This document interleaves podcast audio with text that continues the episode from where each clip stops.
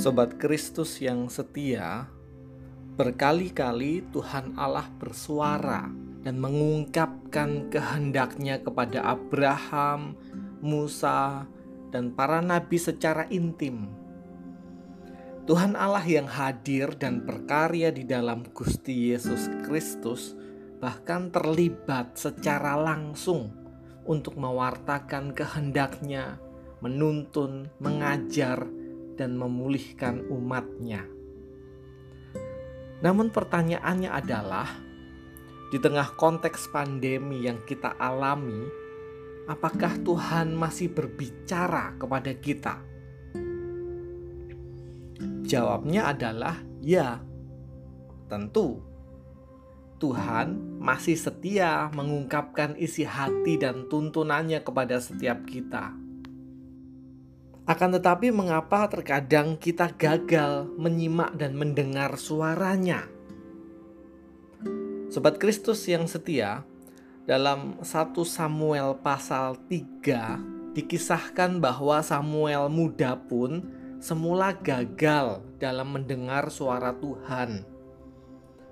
Samuel menggunakan nalarnya dan ia berasumsi bahwa yang memanggil adalah Imam Eli Padahal bukan Tuhan Allah sendiri yang memanggil Samuel.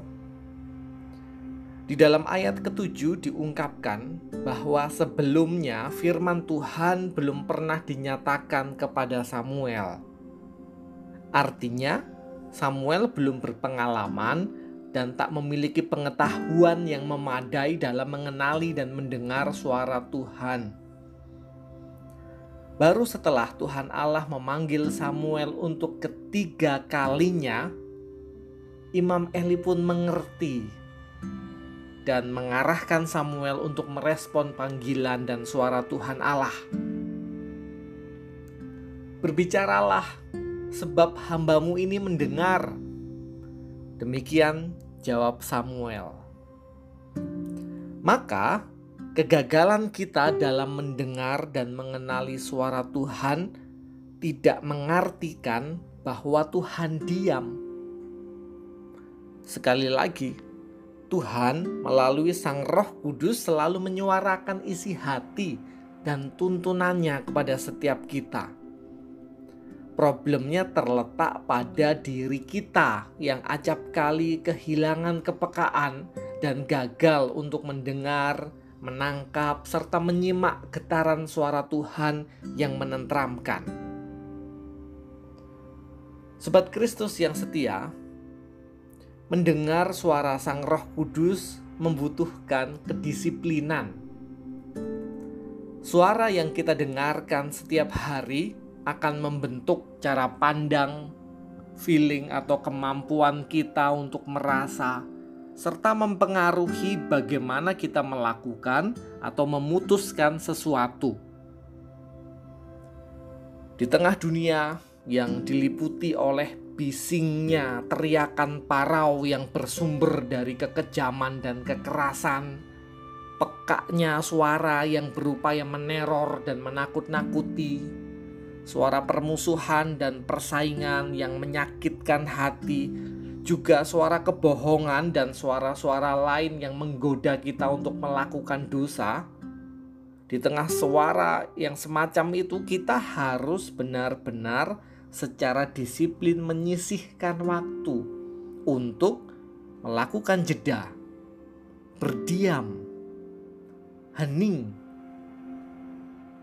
dalam rangka mendengar, dalam rangka menyimak suara Sang Roh Kudus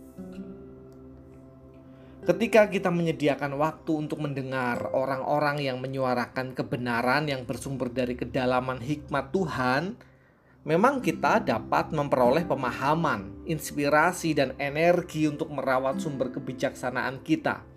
Akan tetapi, ingatlah bahwa sebagaimana Samuel yang harus merespon suara Tuhan secara mandiri, Tuhan juga mengundang kita untuk juga secara mandiri mendengar isi hatinya.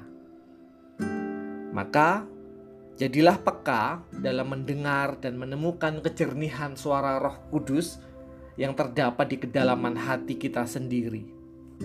Amin. Mari kita bersama berdoa. Tuhan sungguh anugerahkanlah kami kebijaksanaan dan disiplin untuk melakukan jeda, membangun keheningan demi mendengar kejernihan suara Tuhan yang menenteramkan. Dalam nama Allah Bapa Tuhan Yesus Kristus dan Sang Roh Kudus. Amin.